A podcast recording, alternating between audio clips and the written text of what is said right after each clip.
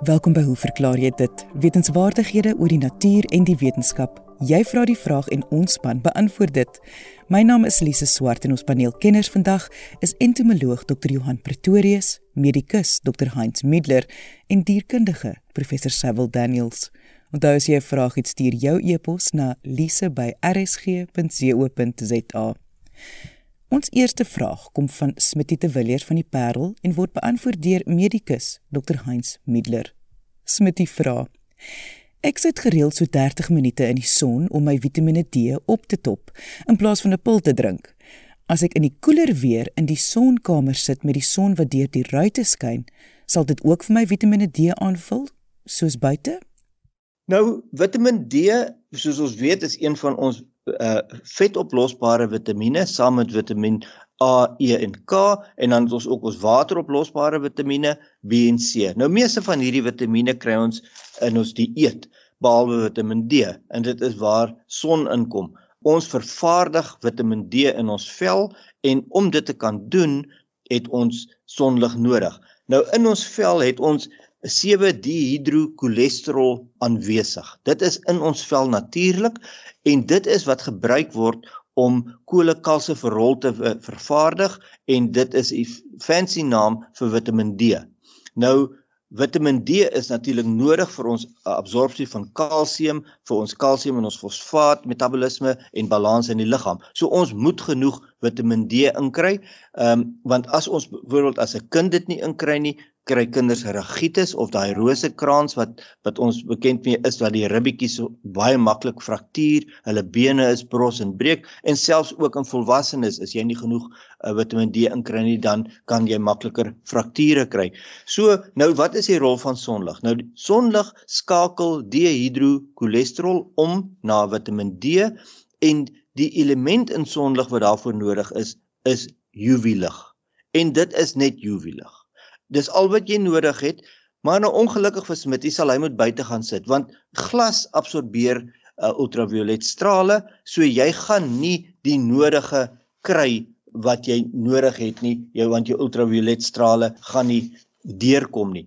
Maar interessant genoeg het gewone sonlig natuurlik ook voordele en dit is nie oor die ultraviolet lig nie, soos byvoorbeeld geelsigtige babetjies wat gebore word wat se lewers nog nie uh, matuur of volwasse genoeg is om jou uh, uh, pigmente af te breek nie, dan raak hulle geel.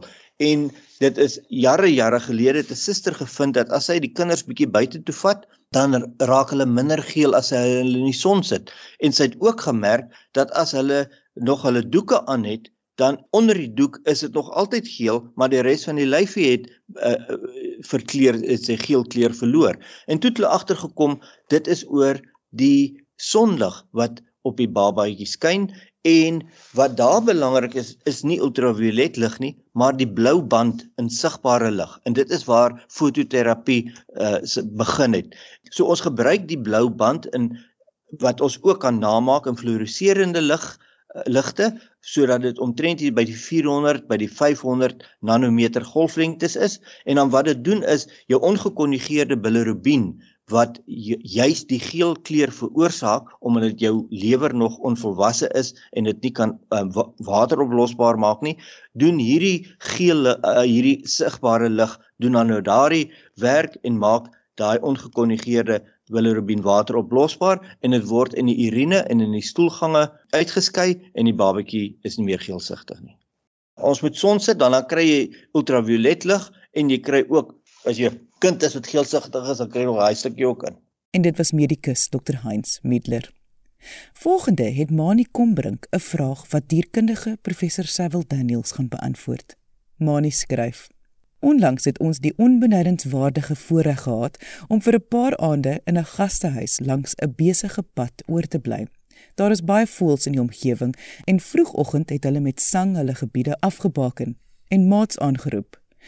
Kort daarna het die pad egter besig begin raak en het dit die geraas van alle voëlsang oorweldig. Gisterand sit ek op my agterstoep en luister na die melodieuse geroep van 'n gebande rubberpadda ergens in 'n tuin naby ons. Dit is seker een van die mooiste naggeluide. Net toe skakel Eskom die krag af en word 'n aantal kragopwekkers in die omgewing aangeskakel. Die geraas van die kragopwekkers het die rubberpadda se roep heeltemal oorheers. My vraag is dus die volgende: Word diere in die algemeen en voëls en paddas meer spesifiek beïnvloed deur die geraas wat ons in die omgewing instuur? Hoe vind voëls en paddas hulle maats as hulle mekaar nie kan hoor nie? Professor Daniels? Goeiemôre Lise, goeiemôre kollegas en goeiemôre aan die luisteraars. 'n uh, Geraasbesoedeling kan 'n beduidende negatiewe impak hê op diere. 'n mens dink nou byvoorbeeld baie aan die feit dat daar nou 'n gebrekkige elektrisiteitstoevoer is, so baie mense het in die verlede gewoonlik generators aangeskakel wat nie net sleg is vir die omgewing nie omdat hulle gewoonlik natuurlik fossiel brandstof gebruik, maar hulle maak ook 'n groot hoeveelheid geraas. Nou ek gaan nou net 'n klein opsomming gee oor die hoofbevindinge wat daar nou al was om die impak van um, geraasbesoedeling te assesseer. Geraas word gewoonlik in desibels gemeet en die desibels word gebruik as 'n gids om te sê of uh, die hoeveelheid geraas wat geproduseer word binne perke is en of dit buite perke is en die verwysingsraamwerk natuurlik hier is vir die soogdiere. Daar's baie min werk wat op ander diere gedoen is, ander soogdiere, ander werweldiere om te sê of hierdie die hoeveelheid geraas wat dan nou geproduseer word binne die perke is wat hierdie organisme dan nou sou kon hanteer. Maar gehoor in die algemeen is 'n baie komplekse meganisme want gehoor word waargeneem deur 'n groot hoeveelheid varierende strukture in die diereryk van die hare wat op spinnekoppe se bene voorkom tot gekompliseerde um, gehoorkanale met 'n eksterne pinna of 'n oorskulp soos wat 'n mens byvoorbeeld um, by stoogdiere sien. En hierdie geraas word natuurlik in die brein waargeneem. Soos 'n eksterne stimule dit gaan deur een of ander struktuur gekanaliseer na die sentrale senuweestelsel waar die uh, geraas dan nou of hierdie stimule, gaan ek liewer sê, deur die brein um, geïmpakteer kan word.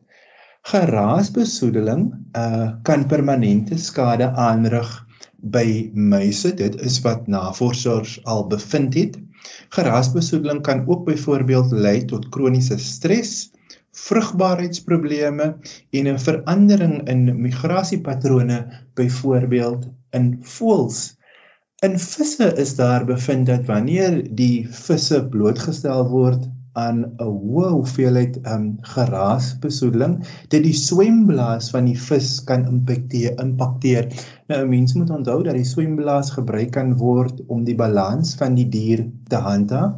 So wanneer die swemblaas geïmpakteer kan word of geïmpakteer is as gevolg van geraasbesoedeling, lei dit by die diere tot 'n uh, gebrekkige dryfvermoë wat dan natuurlik 'n negatiewe impak het op die dier se vermoë om voedingsstowwe te kry of om van predatore te kan ontsnap en so voort. Harde geleide kan ook angstigheid by diere byvoorbeeld bevorder.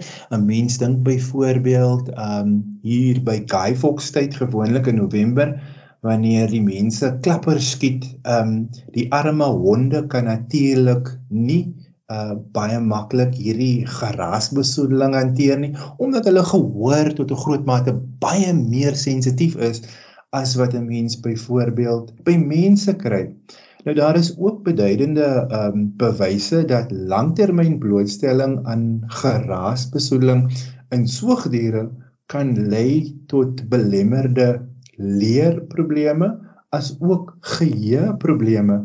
Maar daar is ook 'n groot leemte in ons kennis oor wat is die langtermyn impak van hoë blootstelling aan geraasbesoedeling by 'n groot hoeveelheid werweldiere maar die diere word tot 'n groot mate gewoonlik negatief geïmpak deur 'n uh, groot hoeveelheid geraas wat daar in die omgewing teenwoordig is.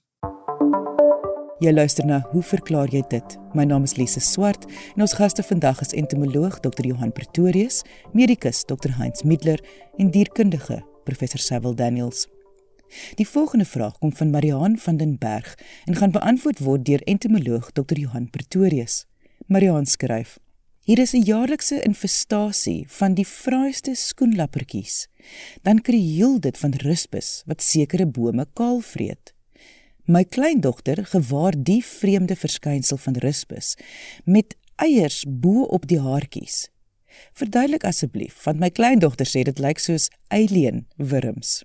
Dr Pretorius. Môre Lise, kollegas en luisteraars. Marian, wat jy al gesien het is 'n vorm van parasitisme wat algemeen onder insekte voorkom. En die eiertjies is eintlik die kokonnetjies wat deur larwes van parasietwespe of perdebytjies gespin is.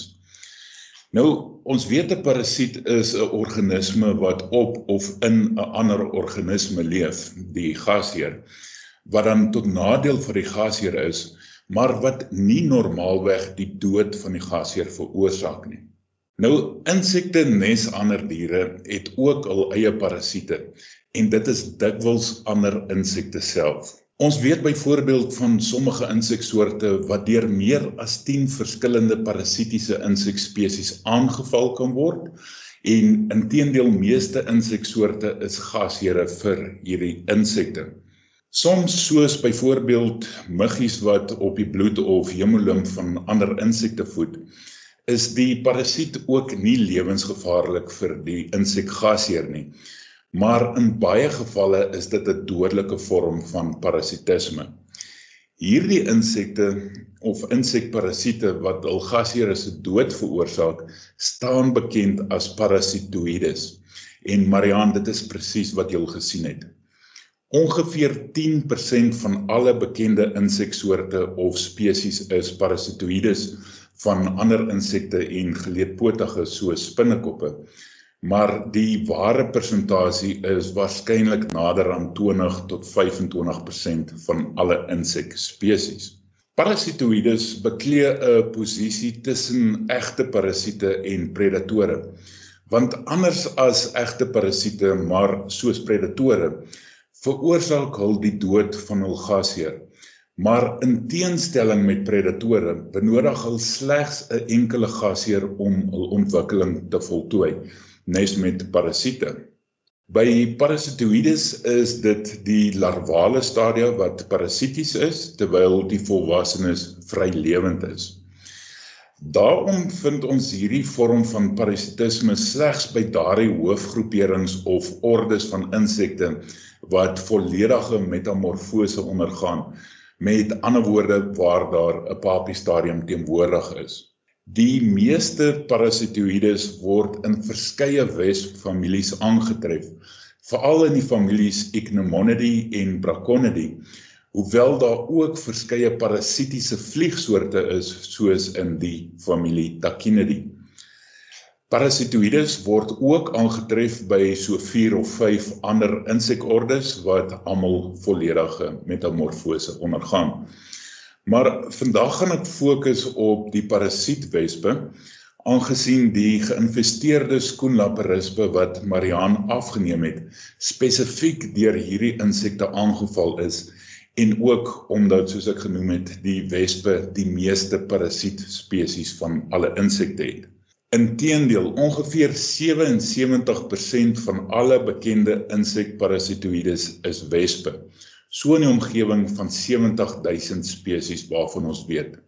Parasietwespe teiken meestal die onvolwasse stadium van hul gasheere, soos die eiers en larwes, hoewel sommiges volwasse insekte verkies. Nou insekeiers is in die meeste gevalle klein met die gevolg dat al parasiete ook nie baie groot kan wees nie. Lise die kleinste volwasse insek waarvan ons weet is 'n tipe parasietwesp bekend as veetjie vlee. Nie 'n vlieg nie, maar 'n soort perdeby met 'n liggaamslengte van slegs 0.14 mm. Die larwes van hierdie parasietwespe kan hul ontwikkeling in 'n enkele insekeier voltooi. Die volwasse wesp kan met gemak op die punt van 'n mens se haar land, wat jou idee gee van hoe klein hulle kan wees. Baie parasietwespe is ook kieskeurig oor hul gasheer spesies terwyl sommiges weer verskeie soorte of spesies gasheere kan gebruik. So, die parasietwesp wyfie se eerste taak is om 'n geskikte gasheer vir haar larwes te vind. En hier maak sy staat op goed soos veral haar reuksintuig, maar ook sig, vibrasies wat deur die gasheer veroorsaak word, klank ensovoorts. Sy kan 'n geskikte gasheer uitreik deur haar antennes, pote of selfs die eierlêboor of ovipositor te gebruik. Lise, daar's ook goeie bewyse dat sommige plante wat deur plantvretende insekte aangeval word, die vermoë het om parasietwespe se hulp in te roep, as ek dit so kan stel, deur die vrystelling van spesiale semiochemikalieë wat dan die wespe lok. Sodra die parasietwesp daarin slaag om 'n geskikte gasheer te vind, sal sy een of meer eiers op of in die gasheer deponeer of partykeer selfs naby die gasheer met behulp van haar ovipositor. Maar dit is nie net maanskyn en rose vir die parasietwespe nie, want die gasheer self het ook dikwels hul eie beskermingsmeganismes teen hierdie parasiete. Baie rispus byvoorbeeld is met haaragtige strukture bedek wat dit moeilik kan maak vir 'n wyfie wesp om haar ovipositor by die gasheer se lyf uit te kry. Veral as die rispe nog begin rondsaai en spook om van die wesp ontslae te raak. Sommige gasheere kan hulself fisies of chemies teen parasitoïdes beskerm. En in baie gevalle is dit 'n uitdaging vir die wesp om die gasheer bloot op te spoor. As hulle byvoorbeeld ondergrond of diep binne in hout leef. Die gasheer se immuunrespons kan ook 'n wesenlike gevaar vir parasietwespe se eiers en larwes inhou. Die teenwoordigheid van iets vreemds in die gasheer se liggaam kan lei tot die afskeiding van gespesialiseerde bloedselle bekend as plasmatosiete wat dan die parasiet larwes enkapsuleer of omring en sodoende versmoor. Maar wyfie parasietwespe probeer al bes om hierdie situasie te vermy deur byvoorbeeld 'n klomp eiers in die gasheer te lê met die hoop dat 'n proporsie van die larwes sal oorleef terwyl sommige spesies hul eiers lê op plekke waar die immuunstelsel al nie kan beveg nie soos byvoorbeeld die speekselkliere van die gasheer. Sommige spesies lê selfs eiers met 'n proteïenbedekking wat verhoed dat die gasheer se immuunstelsel die eiers as iets vreemds registreer.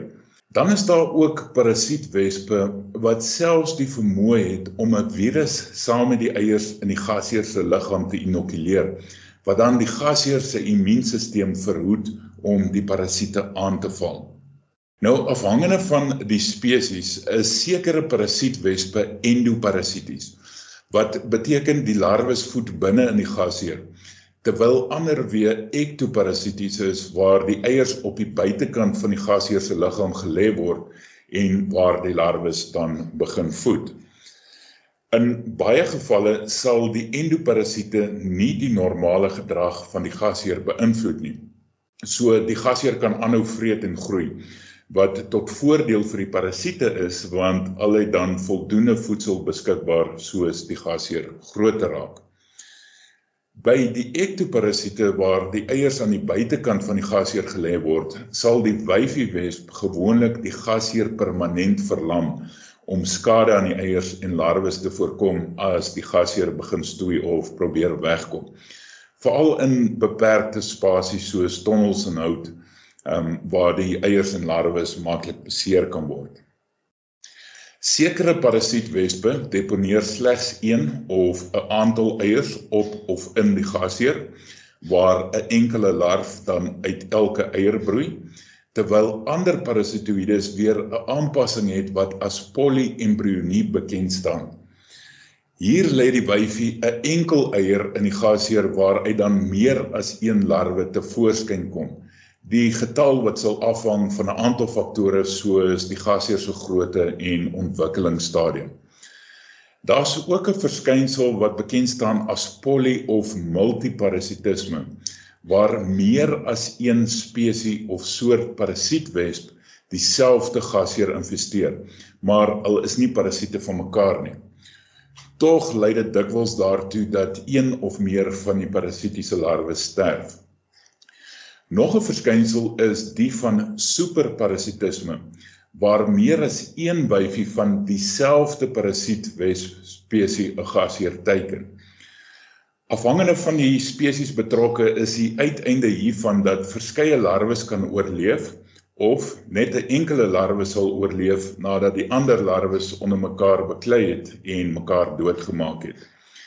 En om dit te vermy, het sommige parasietwespe die vermoë om die gasheer te merk om ander wyfies te laat weet dat hierdie gasheer klaar geïnvesteer is en hulle moenie hulle energie vermors nie. Lise, dit is natuurlik belangrik vir larvale parasitoïdes om nie die gasheer onmiddellik dood te maak nie want hulle moet self vreed vervel en 'n punt bereik waar hulle gereed is om tot volwassenes te pipeer voordat die gasheer vrek. So hulle vermy die doodmaak van hul gasheer totdat hul eie larvale ontwikkeling voltooi is met die gevolg dat hul kos deurlopend vars bly.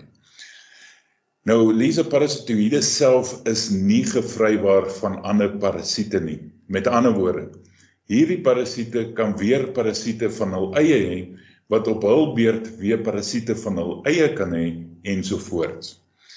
Gevalle is bekend waar daar tot 5 vlakke van hierdie soort parasitisme kan voorkom, 'n verskynsel wat ons noem hiperparasitisme. Dit laat mens dink aan 'n bekende aanhaling deur die Britse wiskundige Augustus de Morgan uit die 1800s wat opgemerk het Big fleas have little fleas upon their backs to bite them, and little fleas have lesser fleas, and so ad infinitum. So Marian Eelskoenlaperispe is deur 'n wesp geparasiteer, spesifiek 'n wesp in die familie Braconidae, wat vernaam is vir hul parasitiese gewoontes, maar meer spesifiek 'n wesp in die subfamilie Mycogastinae, waarvan baie spesies mot en skoenlappe rispus teiken. Hulle is meestal endoparasiete en die wyfie lê 'n aantal eiertjies in die gasheer. Wanneer hulle gereed is om te pipeer, sal hierdie larwes dan deur die eksoskelet van die gasheer na buite boor en hul kokonne op die oppervlak van die gasheer se liggaam spin. En dit is dan die wit goedjies wat jy op die rispe gesien het. Opmerklik Marian dat jou kleindogter van alienwurms praat. Hierdie parasitiese lewenswyse van insekte was al die inspirasie vir talle rolprente soos die 1979 film Alien. Ten slotte Lise, dit klink alles baie grillerig en wreed, maar parasietwespe vervul 'n uiters belangrike rol in die natuur omdat hulle die getalle van ander insekte in toom hou. Inteendeel, hierdie perdebytjies is so effektief dat hulle algemeen en met baie sukses gebruik word in die benutting of die bestryding eerder van plaaginsekte, die sogenaamde biologiese beheer van insekte. Maar dis 'n gesprek op sy eie. Marian, dankie vir die navraag en fotos. En dit was entomoloog Dr. Johan Pretorius. Onthou as jy 'n vraag het, stuur dit na lise@rsg.co.za. Jy mag onder 'n skuilnaam skryf of vra om anoniem te bly. Ek sê baie dankie aan ons kenners en vraagstellers vandag. Onthou om altyd nuuskierig te bly en vra te vra. Tot volgende week hier op RSG saam met my, Lise Swart. Totsiens.